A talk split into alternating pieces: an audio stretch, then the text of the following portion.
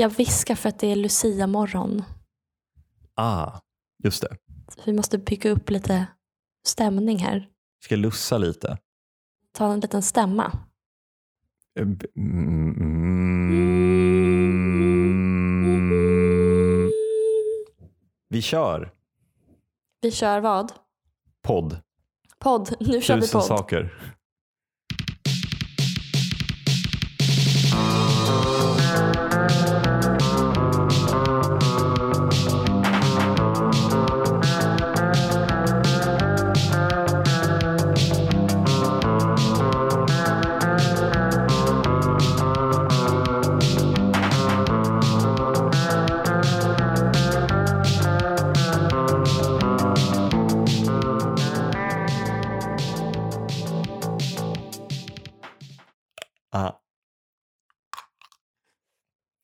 Berätta vad, vad som händer Mm. för lyssnarna. Oh. Syntolkning. Jag, jag stoppar in fingrarna i min egen mun och sliter ut min underkäke. Jag, jag tar ut min uh, Invisalign, min osynliga tandställning. Hur går, hur, eh, hur många grader lutar dina tänder? Du åkte Pisa en gång och nu är du, allt du pratar om är hur mycket grader saker lutar. Är det mer eller mindre än tornet i Pisa? Jag Du- försöker bara få en anledning att föra på tal att jag vet exakt hur många grader. Vad var det? 4, Jag hade typ tänkt gissa på så här 37 och sen så kom jag på att jag inte skulle vilja säga det högt för att jag kan inget om grader. Så det, det kanske skulle vara en sån sinnessjuk gissning. Lite som att så här, man skulle fråga någon bara, hur varmt är det i en ugn när man bakar, bakar bröd? Är det Mm. fyra miljoner grader? ja. Är det en sketch? Någon som inte har koll på den normala mängden av saker? Mm, måttenheter. Exakt. Hur fort går den där bilen då? Tre kilometer? Gud, hur, man måste kunna översätta kilometer i typ centimeter. Så att ens bil går i, den går i 40 000 eh, centimeter i timmen. Eller nej, vad blir det? Gud, Jo. jag är den här. Det här är liksom inte en sketch för mig. Det här är bara mitt liv. Om man ska göra det till meter så är det ju tusen. Ja. Om det går i 40 kilometer i timmen, då, då blir det 40 000. Och sen tar man det en gånger hundra. Hur, f- hur, hur, hur fort får man köra här? Fyra miljoner centimeter i timmen. Det är det man översätter i någon annan, alltså så i fyra miljoner kilometer i kvarten. 160 väg. Om man får köra 4 miljoner centimeter i kvarten. Jag vaknade till eh, Sveriges Radios Lucia-tåg. Inte deras egen, det var inte personalen. Det var inte så. Fredrik Furtenbach. Fan vad han ändå har gjort det. Så har inte han en sån aura av att han älskar att lussa? Jo, tror du att han var en av dem som ville vara Lucia? Mm. Alltså som var sån, en sån Lucia-aktivist. Alltså är det, är det många killars första feministiska uppvaknande? Mm. Det är inte så, varför korar vi alltid den blonda snygga tjejen till Lucia? Utan det är så, varför får inte jag vara Lucia? Ja precis, man köper att det ska vara den snyggaste men man bara, men jag är snyggast. Jag är snygg. Har du varit Lucia någon gång? Nej, eh, min mamma har det. Ah, Ja, det, det är ju någonting visst med folk som har varit det, att de inte, alltså, de kan inte lägga det bakom sig. de kan inte och gå vidare. Nej. Hur gick det till när din mamma blev Gullspångs? Hovas? Ah, nej, det var i Täby då i Stockholm. Oj, Där, och där är ju alla jättesnygga. då fattar jag om hon inte kunde, om hon var blondast och snyggast i Täby. Ja, precis, precis. Hon var inte ens blond. Nej, fatta vad snygg hon måste ha varit då. Hon Ja. inte... Tänk dig när rådet i Täby samlades. Hej allihopa, nu ska vi välja ut Lucia. Så bara, ja, vi borde ju egentligen välja Sofia eller Ann Krok. Men, eh, men, för de är ju blonda. Men Margareta är så jävla snygg. Jävla det, snygg. det går liksom inte att se förbi att hon är snyggast. nej, nej, nej. nej. Folk kommer höja på ögonbrynen om vi inte tar henne. Men, kommer liksom en tärna där längst bak som ser ut som om Gud och Afrodita fått ett kärleksbarn. Men alltså, hur kommer det sig att du inte blev Lucia då? Var din pappa så jävla ful att han spädde ut din mammas Ja. otroliga Lucia-gener? Ja, alltså det är faktiskt, jag kan säga det för, eftersom pappa inte lyssnar på eh, podden. Jag hade en ansiktskris igår. Jag filmade mitt ansikte för första gången någonsin Ja. igår. Alla känner ju till sin bra och sin dåliga sida. Jag har bara inte orkat ta reda på vilken som är min bra och dåliga sida. Och utgått från att men det spelar väl inte så stor roll. Mm. Eh, men nu har jag upptäckt att jag har en sida som är helt fruktansvärd. Alltså jag har en värdelös sida. Som jag då råkade se igår. Underifrån också. Ah. Och det är som att jag har liksom alla dubbelhakor är på den sidan också. Det är ju, Ja, så att jag Ja. blev inte Lucia. jag förstår det. Det är ju annars sjukt att du har lyckats hitta en sån sida. Det, det, det måste ju vara så, ja men för, ehm, det måste ju vara så som asiater ser oss. Att så här, vi, vi um, västeuropeer, vi ser alla exakt likadana ut för dem. Mm. Typ. Så, så känner jag eh, inför dig. Att jag kommer som en asiat till landet Ellen och jag bara, men alla dina sidor ser exakt likadana ut. Du bara, nej, Ja. nej, nej. Det är jättestor skillnad på Göran och Jörgen. Det är lugnt. De är två helt olika personer. Jag bara, nej, de är, de är identiska.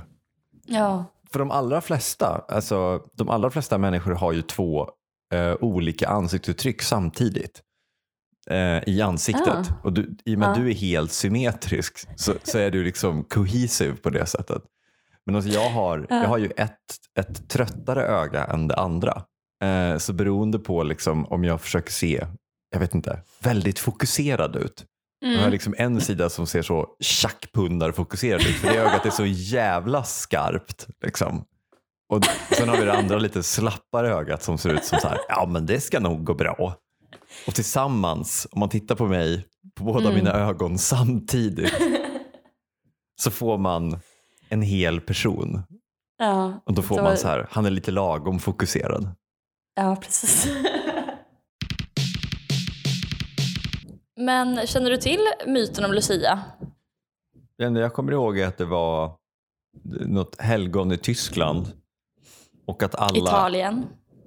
Ja, du ser. Och att, och att med så här, källa, Tuffe Uffe på skolgården när jag var liten. Som också sa att Lucia betyder Lucifer.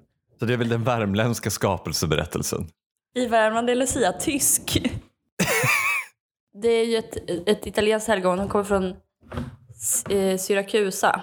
Mm. Lucia di Siracusa. Det lät som spanska. Lucia. Men, eh, ja, jag orkar inte googla igen. Men eh, när hon var tonåring så avlade hon ett kyskhetslöfte. Vilket jag tror att man gör då. Att man, alltså man säger till Gud. Och Mm. bara, vet du vad? Den enda jag vill ligga med är dig. och sen så liksom sparar man sig då för Gud. Är inte det för att alltså, de som ska få 70 oskulder i... Alltså det krävs en jävla massa oskulder. Ja, det är inte till, det är inte till honom. Nej, Alltså det vet jag inte. Det, kanske är så att han bara, jag, eh, jag behöver verkligen 70 oskulder. Varför då Om- Gud? Ehm, jo, för att jag ska ge 70 oskulder till, till en kille som varit jätteduktig. Jag lovar, alltså jag ska inte ha alla själv. Du vet lite som när man, lite som när man köper um, typ två sexpack folköl i butiken. Men Lucia sparade sig till Guds oskuldspool. Ja, Där var du. precis. Och, men sen så, så glömde hon säga det till någon annan. Hon sa inte det till någon. Mhm. Så då gifte hennes mamma bort henne. Och då fick eh, Lucia panne, såklart. Mm. och eh, bad Gud att eh, hjälpa henne ta sig ur den här situationen. Mm. Och då så gav Gud hennes mamma blödarsjuka. Nej, Jo, det går inte att dra någon tydlig parallell mellan det man ber om. Hjälp Nej, mig lämna det här äktenskapet och så, ja, så och spör upp någons mamma. ja. Precis, att det verkar orelaterat. Kan du köra mig till, eh, till en fest? Eller kan du liksom hjälpa mig? Jag ska hämta en byrå på lördag. Absolut. Går och skjuter din hund. ja, exakt. Man måste verkligen ha tillförsikt då med Gud ibland. Han är verkligen Och- outgrundlig. Ja, Han ja bara, verkligen. jag, jag tänkte så här, har du, Herrens. har du något bra recept till helgen? Jag ska, eller så här, jag ska ha över Anna-Karin och, Bengt. Jag vet inte vad de tycker om. Vet du ungefär vad de brukar käka? Absolut. Går och skiter på ditt tak. Bara, Åh, typiskt outgrundliga Gud. Vad jobbigt. Okej, Gud fuckade upp han, hennes mamma. Ja. och sen till slut så lyckas då, det är ingen som kan, liksom, det är ingen som kan bota henne, hennes mamma. Jag minns inte riktigt hur det gick till men Lucia då vallfärdar någonstans och ber någon om hjälp. Mm. Och då säger, det är någon slags orakel tror jag. Och då säger de så här, men du kan redan bota henne med hjälp av din tro. Mhm. Eh, och sen blir mamman frisk. Och då säger Lucia, eh, förlåt, jag hade sagt till Gud att jag skulle vara oskuld. Det är därför det här hela, den här prekära situationen har uppstått. Förlåt Mm. mamma, typ. Och mamman bara, men gud varför sa du inte det från början? Det är klart att vi ska ställa in bröllopet. Mm. Men då blir den här killen så sur Ah. att han anmäler, han tjallar på dem helt enkelt och anmäler dem till eh, kejsaren, den romerska kejsaren som förföljde, krist, för- förföljde kristna. Mm. Ja, och då döms Lucia till att bli hora. Oj, vilken twist. Ja, när, hon, när hon då skulle åka till bordellen då så åkte hon på ett oxspann och det här oxspannet frös fast i marken. Se- Sen så hällde de då kokande olja på henne. Och då blev hon inte skadad av det. Jag vet inte varför de hällde kokande olja, om det var för att det, det skulle smälta den här isen då. Allt, allt sånt där förr i tiden låter ju så konstigt för oss. Så för, att Ja. det liksom, för det är ju för grejer som är helt vardagliga förr i tiden. Alltså här, det är alltid någon som har lite kokolja som står och kokar typ. Så det är Ja. enkelt då att bara hiva lite. Alltså det, det Ja. är väl en bestraffning jämfört med att liksom ta ifrån barnen mobilen. Typ. ja. Och ja, men då blev hon inte skadad heller. Och då så eh, var det någon som stack in ett svärd i henne, i hennes hals tror jag. Oj, Det eskalerar väldigt snabbt. Alltså, för, från att det här oxspannet frös fast. Jag förstår inte varför det var en sån... Alltså då är det direkt måste man kasta kokande olja och det hugga är någon det i jag halsen. menar. Att, att ehm, det var så nära till hands. Man kanske, Ja. de kanske hade med sig kokande olja i. Då kan man ju tycka att de har kokande olja. Det är bara att hälla det på spannet ifall det har fryst fast. Ja. Så, så allt det här hade liksom kunnat undvikas om hon hade kommit ihåg. Och säga till. När du berättade Lucia-historien, det var så vackert för att Linneas Mm. ehm, målsättning har alltid varit att titta på Lucia-morgon klockan sju. Mm. Men hon är så extremt morgontrött. Så att hon brukar inte komma upp. Och så vi skulle spela in podd idag och jag behövde gå upp tidigt på morgonen så, så kunde jag väcka henne. Åh. Så att, eh, precis när du började berätta historien så drog hon på tvn ute i vardagsrummet på så hög volym.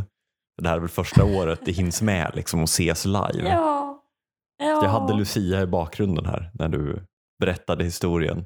Den tokiga filmatiseringen av Lucia. Och så mysigt att väcka folk tycker jag. Och bli väckt av någon man älskar. Ja, alltså nu blev ju både hon och jag väckta av min klockradio. Så att jag blev ju väckt av någon jag älskar. Ja, ja just det. Punkt 120. Varför var det bögigt med tajta jeans? Jättebra när man jobbar med tunga maskiner. Det är inte så mycket tyg som fladdrar som kan fastna i maskinen. Mhm. Men det, alltså, det är bara en kort reflektion. Det är ju jättedumt att ha superstora fladdriga jeans om man ska jobba med tunga maskiner.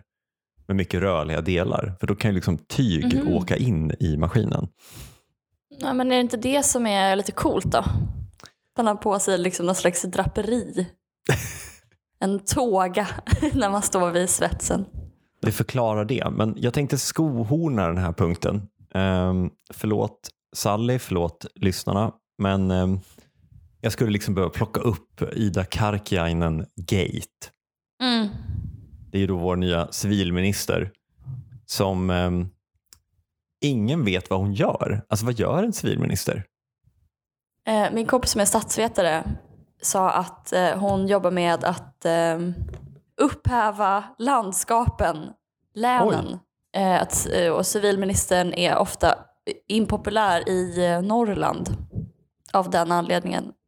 Alltså, det här obs, det är liksom skämt. Men alltså, det är väl en tendens i hela Sverige att regioner och kommuner, alltså att allting blir liksom större och större Mm, till ytan mm, allting går upp i allting. Att så här, nu ska vi, ja men Gullspångs kommun till exempel, mm, som jag kommer från, har 5000 invånare. mm.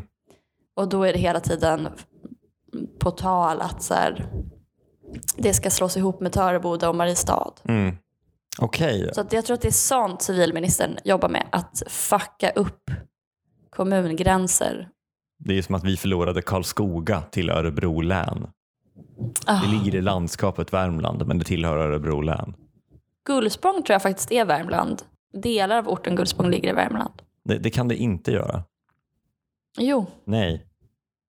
Eller alltså i så fall om det ligger i det. Det ligger väl, det ligger väl nästan vid Vättern, gör det inte det? nej nej nej. Det ligger på gränsen, det ligger precis vid i Kristinehamn. Va? Nära. Ja. Gud, jag, jag, tänker, alltså jag tänker att du är uppväxt att du är uppväxt Vättern. Ja, att du är uppväxt mellan, alltså du är uppväxt liksom, man kastar en sten från Gränna över Vättern. Åh jävlar vad sjukt. Du har trott hela tiden att jag har kommit från Gränna. Det är dessutom på andra sidan. Ja, men jag, det jag menar att man kastar en, en sten över Vättern. Och- Jaha, du tror att jag är från Jo? Ja, exakt. Du är liksom fickorna fulla med polkagris. Som de har kastat över då, över Vä- Vättern. Alltså shoutout, som kommunikatör måste jag ändå säga shoutout till Gränna som vågade och vann på polkagrisen. Fatta det, den liksom, det kommunmötet där de bara, vi har en idé. Verkligen. Civilminister eh, Ja, Ida det, Karkiainen. det är nästan så här jingel för att gå tillbaka till civilminister Ida Karkiainen. Då har ju det kommit fram en bild på Ida Karkiainen där det ser ut som att hon heilar när hon är typ 15. På, eh, hon är på någon liten raggarfest i Haparanda. På, jag vet inte, 90. Jag vet inte hur gammal Karkiainen är. 33 tror jag. 33, så för 15 år sedan. Mm. Så tidigt 2000 då? Mm. Ja, det borde man ju för sig kunna avgöra av kvaliteten på bilden och kläderna. Att det är oerhört. Och heilningen framförallt. Det var den tiden. Nej, men det har ju varit mycket diskussioner om så här, huruvida hon heilar eller inte. Och jag är av den bestämda uppfattningen av att hon heilar. Medan Mm. folk jag har pratat med är av den bestämda uppfattningen att hon gör ett så kallat weo. Att hon slänger upp handen för att uttrycka glädje. Typ. Därom tvista de lärde så att säga. Det är verkligen Sveriges egen lilla version av är klänningen blåsvart eller guldvit. Jag, ty- jag tycker att hon heilar. Det, det, alltså, Mm. Jag tycker också man ser att hon inte är nazist för att det är en sån obekväm främmande rörelse för henne. Alltså hon gör ju typ fel. det kanske är det, det, det är kanske det. Du har bara friat henne här nu. Alltså hon heilar men hon är så jävla Ja. kass på det. ja. Jag har sett många heil och det där är en.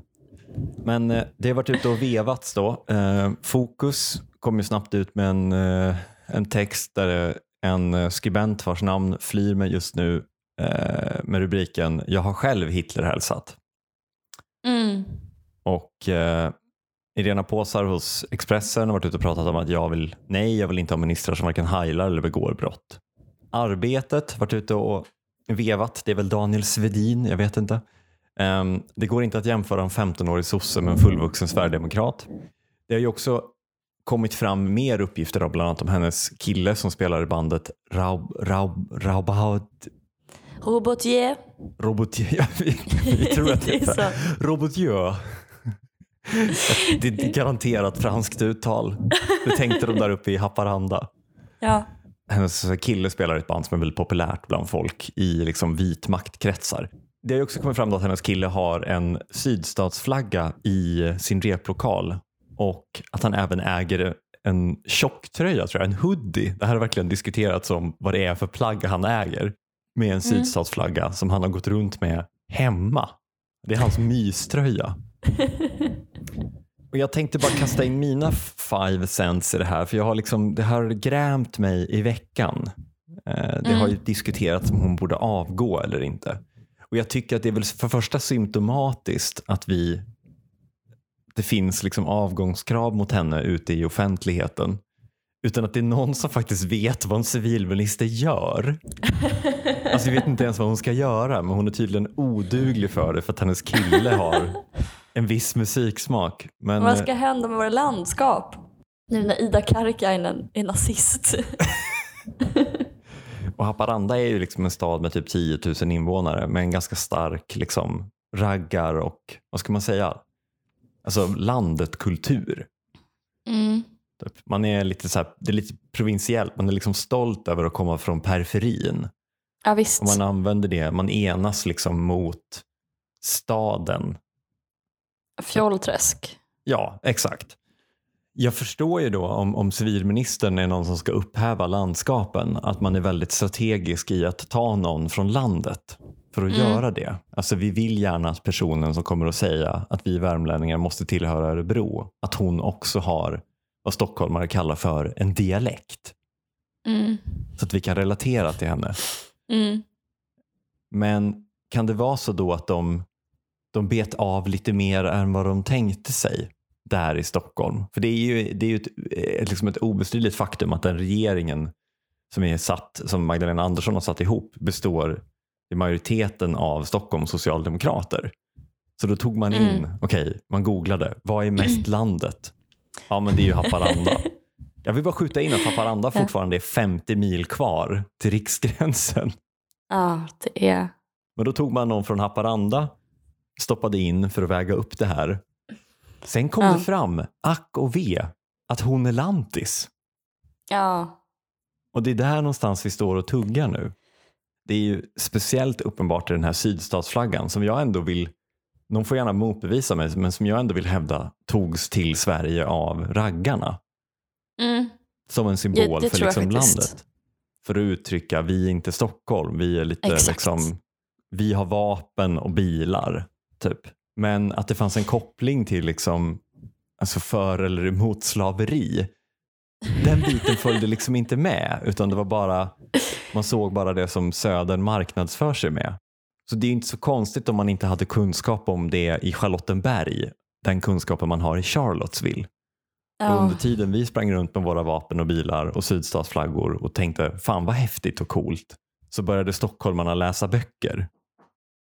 Jag tycker det här är bäst uttryckt av um, Jonna Sima, tror jag det var, Mm. i Aftonbladet som var med i panelen i Godmorgon världen i söndags mm. och pratade om att man, liksom, man kan kosta på sig det vita privilegiet och leka med rasistiska symboler.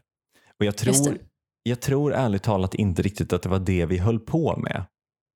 Nej men för jag tror precis som du säger att alltså den, den främsta anledningen till all kultur typ på landsbygden är alltså allting är motkultur.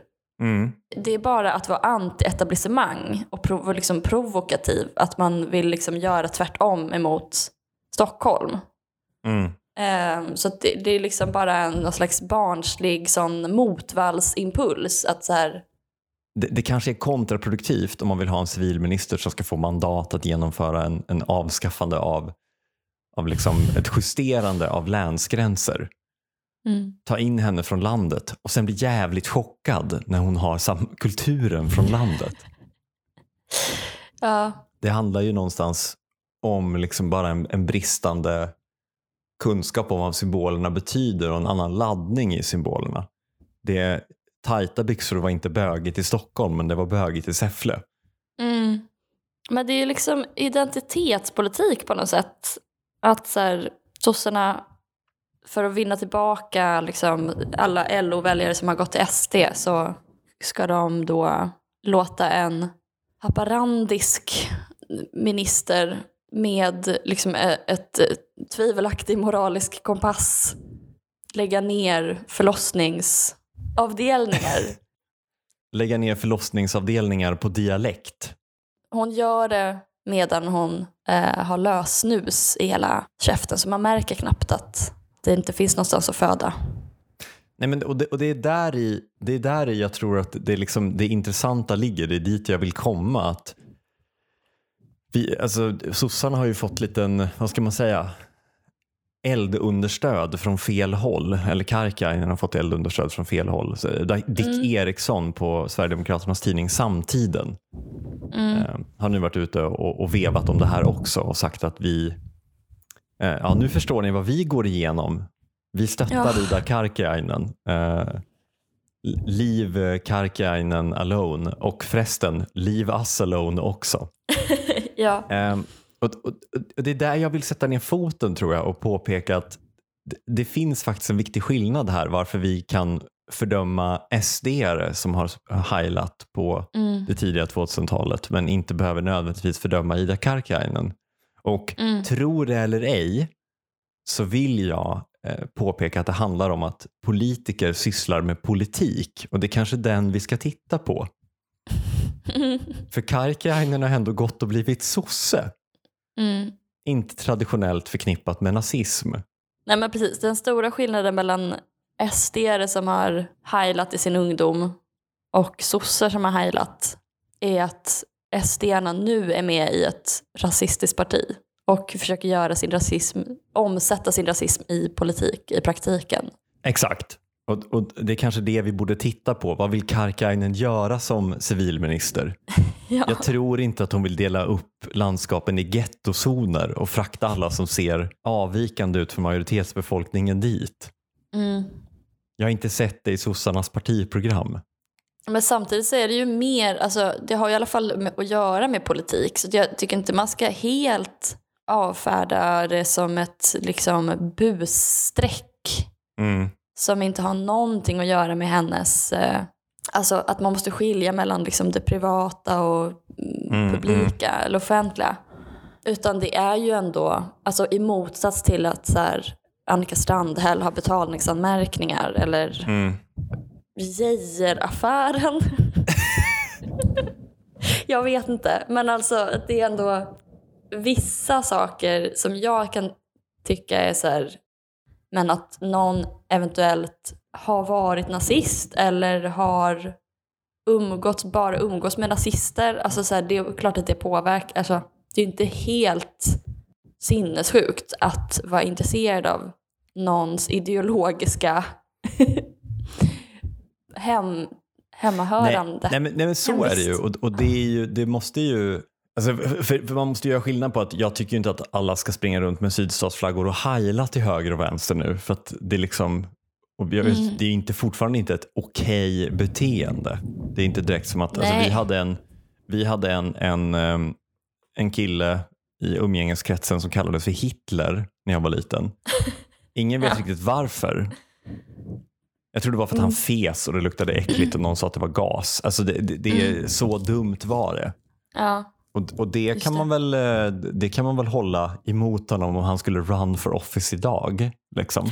Du kallades för Hitler när du var liten. ja. Men då behöver man prata lite om könshumor och landet för att det ska gå fram. Ja.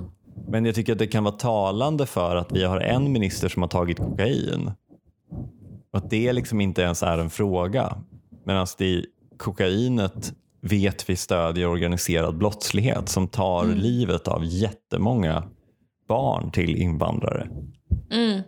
Men det är Dessutom är det någonting ett som, tydligt tecken på att man är stockholmare och etablissemang. ja, för i Stockholm tar man kokain så det är helt okej. Mm. Det kommer man undan på fast det är liksom, man vet att det dödar människor. Mm. Talande att många skribenter har behövt uttrycka hur, hur dålig de tyckte Raubatiers musik, eller Robatiers musik var när de skulle researcha till sina moraltexter. Ja, Jag tvingades ju lyssna på den här smörjan. ja, just det. Det är ju inte Rebecca och Fiona. Då vill man skrika att Rebecca och Fiona skrev på för Saudiarabiens festival. Men det är okej, Ja, för de pratar stockholmska. för de har liksom rosa hår medan de gör det. Precis. Gud vilken gammal referens, alltså verkligen lantis. en lantis gissar vad stockholmare, hur stockholmare ser ut. De har rosa hår. Punkt 355. Det stora problemet med klimatförändringar är att de är så fula. Alltså, det här, jag är ju humanist. Så Mm. för mig, det, det, är liksom det enda aspekten av klimatförändringarna jag bryr mig om är hur det påverkar världen rent estetiskt. Mm. Och just, och det tycker jag eh, förtjänar uppmärksamhet, att det ser tråkigt ut med plast i haven. Mm. Och det ser tråkigt ut med ehm, att artrikedomen minskar Mm. och det blir liksom monokulturer. Eller att eh, det vi får, eller är det så att vi får fler öknar, att öknar sprider sig? Ja. Mm. Trist, Mm. rent estetiskt. ja, men det är som bilder på så här. Det här är Amazonas 1970 och det här är Amazonas idag. Och så är det bara massa, Men så var det så grönt och fint som Humlegården. Ja. Och nu ser det ut som boländerna ovanifrån med bara massa silos och vägar. Ja, helt brunt vatten. Och korallreven till exempel kommer ju blekna, eller kanske redan har bleknat. Alltså sådana drama queens, att de just ska... Då, alltså det låter ju som någon sån Disney-prinsessa. Ja, att så, verkligen. om jag inte blir sedd, då tappar jag min färg. Alltså det är inte, att de inte så bara dör och behåller sin färg Ja. och typ skrumpnar ihop. Utan det är Mm. så verkligen, när klockan slår tolv, då rinner färgen av mig. exakt. Ett stort problem nu är ju att vi har fått så fula vintrar i Sverige. Mm. Om man jämför med hur jag tänker att det var förr när, det, när liksom man pulsade fram i snön. Man åkte kälke, släde. Alla åkte hundspann Ja. till, eh, ja, det gjorde de verkligen. gick i sådana armékängor. Ja, snöskor. Men eh, nu ser det ut som liksom Ulan Bator, tycker jag. I hela Sverige. Novosibirsk. Alltså, det ser för jävligt ut. Det är så här tall och gran och sen är det liksom någon obehaglig nyans mellan grön och brun Mm. överallt. Och liksom en, en färg på himlen som är som ser ut som avgas eller Ja men absolut, det ser ut som att man har hällt vatten i ett glas som det har varit mjölk i. exakt spökvatten. Det är Spökvatten. spökvattenfärg på hela Sverige. Men det har man ju också tänkt har varit varför vi har varit ett så himla rent land. Hela Sverige har bara täckt sig en stor matta under vintern som har döljt allt Mm. fult. Och sen har man kommit och skrapat upp den till våren. Ett, ett cleansing bath, ett stålbad där vi vadar runt i mörker men åtminstone blir det städat. Ja. För det var ju något som jag led av mest tror jag sommaren 2018 förutom det faktum att stora delar av vår skog brann upp. Ehm, att, att det blev så dammigt överallt när det Ja. aldrig regnade. ja. Det Allting blev jätteskitigt av liksom damm och partikelrester. De flesta filosofer har ju eh, en estetik Mm. som en del i sin filosofi för att det har att göra med moral till exempel. Mm. Kant till exempel, Hume skriver att en- ens moraliska omdöme kommer ur en, ett estetiskt omdöme. Jag, Mm. jag är ganska säker. Jag, ni, alla es, esteter där ute får hat-maila mig om det här är fel. Men eh, han menar att det snarare än från, det, från någon slags rationellt omdöme så kommer det från en sensibilitet Mm. och liksom en värdering som är mer så här, är det här vackert, är det här skönt? Liksom. Och likadant Kant har ju en, han ger estetiken en väldigt speciell roll. Och menar också att es- estetiska omdömen är det som övar upp ens moraliska eh, förmåga. Mm. Så genom att betrakta saker intresselöst så kan man öva sig i att bli mer altruistisk och moralisk. Och dessutom så menar han att moraliska idéer måste uttryckas och kommuniceras med hjälp av konst. Eller det är i alla fall lämp- väldigt väl lämpat för att tillgodogöra sig moral. Eh, att man får det förklarat för sig i estetiska eller konstnärliga termer. Mm. Mm. Och det tycker jag, om man bara tänker på klimatförändringarna, så är det väl, det är ju det estetiska man förstår. Att det är fel för att det blir fult. Det blir tråkigt, en tråkigare värld. Utan liksom hälften av våra arter. Eller bleka korallrev eller spökvattensfärgat landskap. Ja men absolut, det, det, gör väl att, det är väl svårigheten att skilja på klimat och miljö till exempel. Alltså på, på 60-talet så pumpades det ut orenat avloppsvatten och industriavfall rakt ut i Vänern. Mm. Och nu renas ju allt sånt där innan det pumpas ut i våra sjöar. Så att miljön har ju blivit mycket, mycket bättre. Mm, mm, Man kan liksom inte se, folk slänger inte sopor i vattnet längre. mm. Det, man ser liksom inte de föroreningarna. Ehm, och klimatet har ju varit åt helvete, på väg åt helvete länge men det är som du säger, kanske först nu det börjar bli fult och det är då vi Mm. börjar förstå. Det är därför Greta-generationen är så himla engagerad för de ser hur fult det är. Ja. Men, men tror du att ehm, alltså i, din, i din eh, tes då, att estetiken är livsviktig för oss människor?